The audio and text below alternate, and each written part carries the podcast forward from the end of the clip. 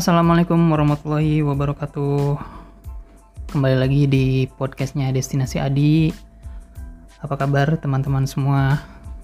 Mudah-mudahan kabar teman-teman selalu baik, selalu sehat, selalu kuat dalam menghadapi masa-masa pandemi ini. Dan mudah-mudahan pandemi ini segera selesai dan semua kembali seperti sedia kala.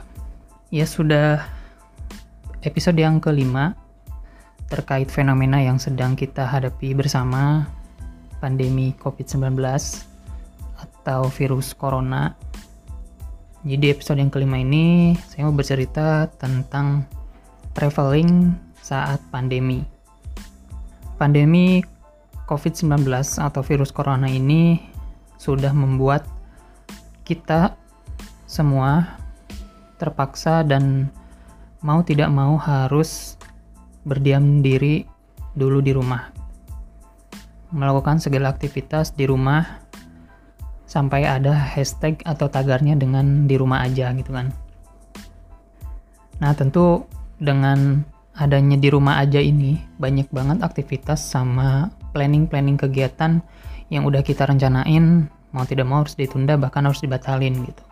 Nah salah satunya mungkin rencana jalan-jalan atau rencana traveling yang yang mau tidak mau harus harus kita tunda dulu gitu.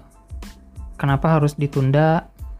Ya mau tidak mau kan di tengah wabah corona ini kita tidak bisa jalan-jalan bahkan keluar rumah pun dibatasi gitu dengan ketentuan-ketentuan medis yang sudah ditetapkan oleh pemerintah.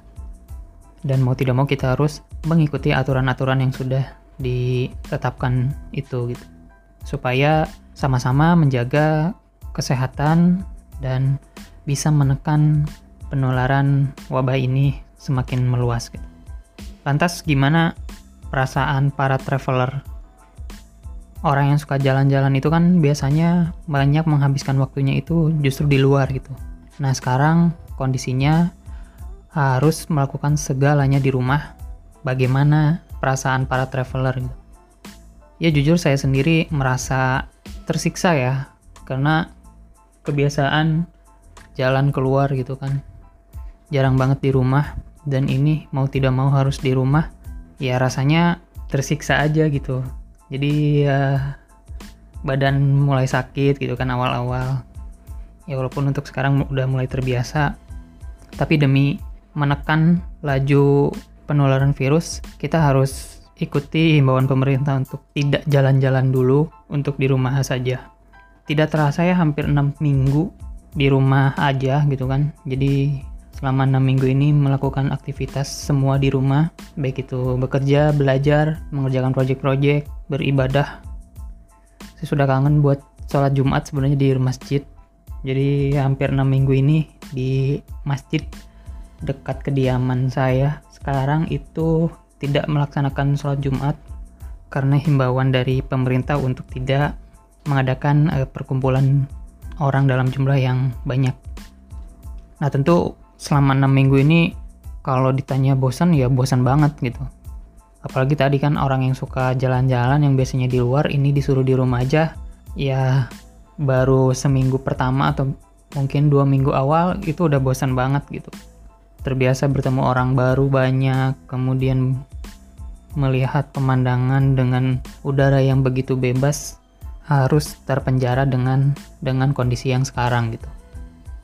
Nah para traveler mungkin yang udah nggak sabar pengen jalan-jalan atau udah kangen banget pengen jalan-jalan berkunjung ke destinasi-destinasi yang udah direncanain sebelumnya pasti ngerasain keinginan yang sudah nggak tertahan gitu untuk pergi jalan-jalan gitu karena kondisinya sekarang kita harus berdiam diri di rumah itu pasti membuat kita rindu untuk beraktivitas di luar gitu kan. Nah jika keinginan untuk traveling itu sangat kuat gitu kan, udah nggak bisa ditahan lagi, ada istilah yang namanya dromomania gitu. Nah para psikolog menyebutnya itu dengan istilah ini, dromomania. Nah menurut psikolog, dromomania itu adalah keinginan untuk jalan-jalan untuk pergi keluyuran pergi keluar gitu kan. Jadi hasrat keinginan yang yang kuat banget pengen keluar pengen jalan-jalan. Nah mungkin bagi sebagian traveler atau orang yang suka jalan-jalan mungkin merasakan ini gitu. Termasuk saya sendiri gitu beberapa beberapa waktu kemarin sempat ngerasa merasakan keinginan yang kuat pengen banget pergi keluar keluyuran jalan-jalan gitu nah jadi dromomania ini adalah istilah yang digunakan untuk menggambarkan adiksi pada traveling buat seseorang gitu. Apakah ada yang sudah merasakan teman-teman merasakan dromomania? Ditahan dulu lah, ditahan dulu, jangan sampai pergi keluar dulu gitu. Kita harus uh, tetap di rumah saja untuk kebaikan bersama. Nah, terus gimana caranya menyikapi fenomena ini gitu untuk yang suka jalan-jalan atau yang suka traveling hal apa aja sih yang harus kita lakukan untuk dapat menahan hasrat ini, hasrat ingin jalan-jalan ini. Nah, seperti yang kita tahu, dampak pandemi ini terhadap dunia pariwisata itu sangat besar, sampai-sampai setiap negara itu sudah menutup akses keluar masuk ke negaranya.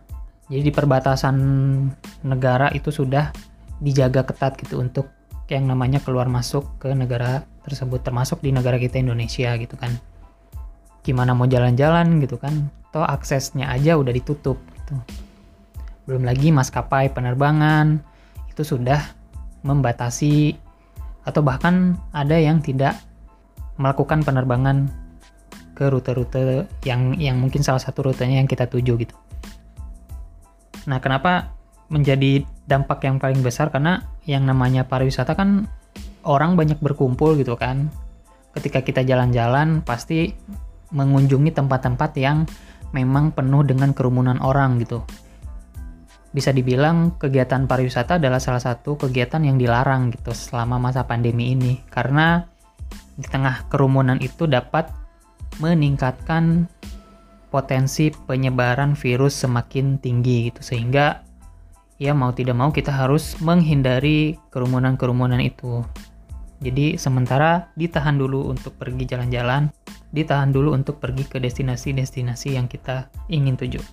Nah, jadi apa sih yang harus kita lakukan untuk mengobati, untuk bisa menahan hasrat yang disebut dromomania tadi itu? Salah satu cara yang saya saranin gitu kan, atau yang udah mungkin banyak beredar sekarang di dunia maya, itu ada yang namanya traveling virtual. Apa sih sebenarnya traveling virtual itu gitu kan? Nah, jadi traveling virtual itu bisa dibilang ya kita tetap jalan-jalan menikmati pemandangan, menikmati suasana dengan cara virtual. Jadi tidak langsung mendatangi tempat yang sebenarnya. Nah, caranya bisa dengan melihat foto, melihat video, dan menghayati kalau kita sedang berada di tempat tersebut. Nah, ini bisa jadi cara untuk mengobati rasa kangen kita, rasa rindu kita untuk jalan-jalan, untuk traveling gitu. Nah, sekarang udah banyak banget situs-situs travel atau situs-situs pariwisata yang sudah memberikan akses terkait traveling virtual itu gitu.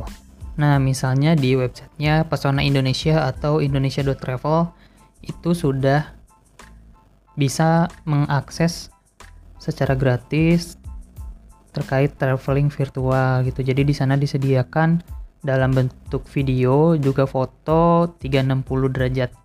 Jadi kita bisa merasakan seolah-olah kita sedang ada di destinasi tersebut. Nah, destinasinya banyak banget.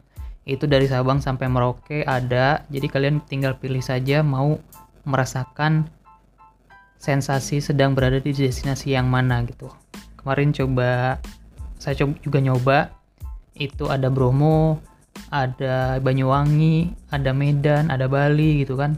Ada Sumba, itu banyak banget. Jadi selama di rumah saja kita juga bisa traveling secara virtual dengan berkunjung ke tempat-tempat yang pengen kita datengin gitu. Nah, siapa tahu setelah melihat secara virtual di di websitenya Pesona Indonesia itu atau di Indonesia.travel setelah pandemi ini berakhir bisa jadi referensi kita buat pergi traveling ke destinasi tersebut.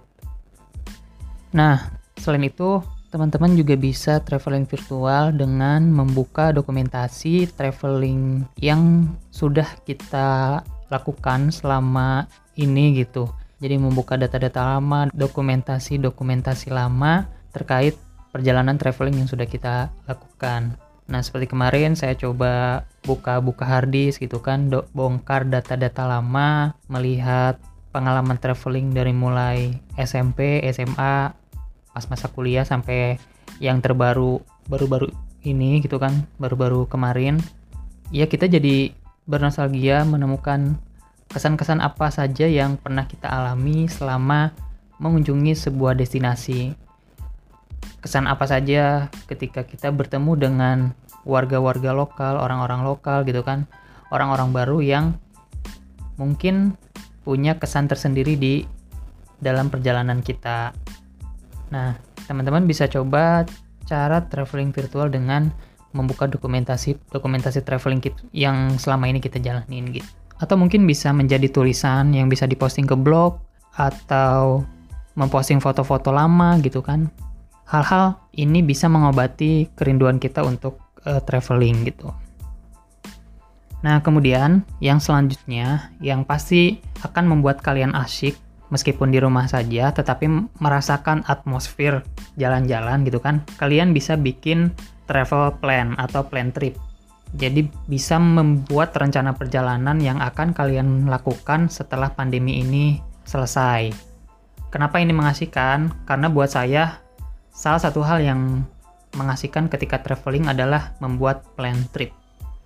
Nah, kemarin kan sempat trending juga ya yang tagar traveling tomorrow. Nah, itu kita bisa ikutan tuh. Jadi misalnya kita udah punya rencana untuk pergi ke salah satu destinasi, nah kita bisa membuat rencana perjalanannya gitu dan mungkin bisa di-share ke teman-teman supaya supaya mungkin mereka juga terinspirasi untuk ikut membuat rencana perjalanan yang kita buat gitu yang menariknya dari membuat rencana perjalanan, mau tidak mau kan ketika membuat perjalanan kita harus riset ya. Harus riset, mencari informasi terkait destinasinya, terkait transportasinya seperti apa, budayanya di sana seperti apa gitu kan. Nah, itu bisa jadi hal yang yang bisa mengobati kita ketika kangen jalan-jalan gitu. Jadi mau tidak mau kita bisa merasakan kita sedang berada di sana, menikmati suasana, menikmati pemandangan yang ada di, di destinasi tersebut gitu.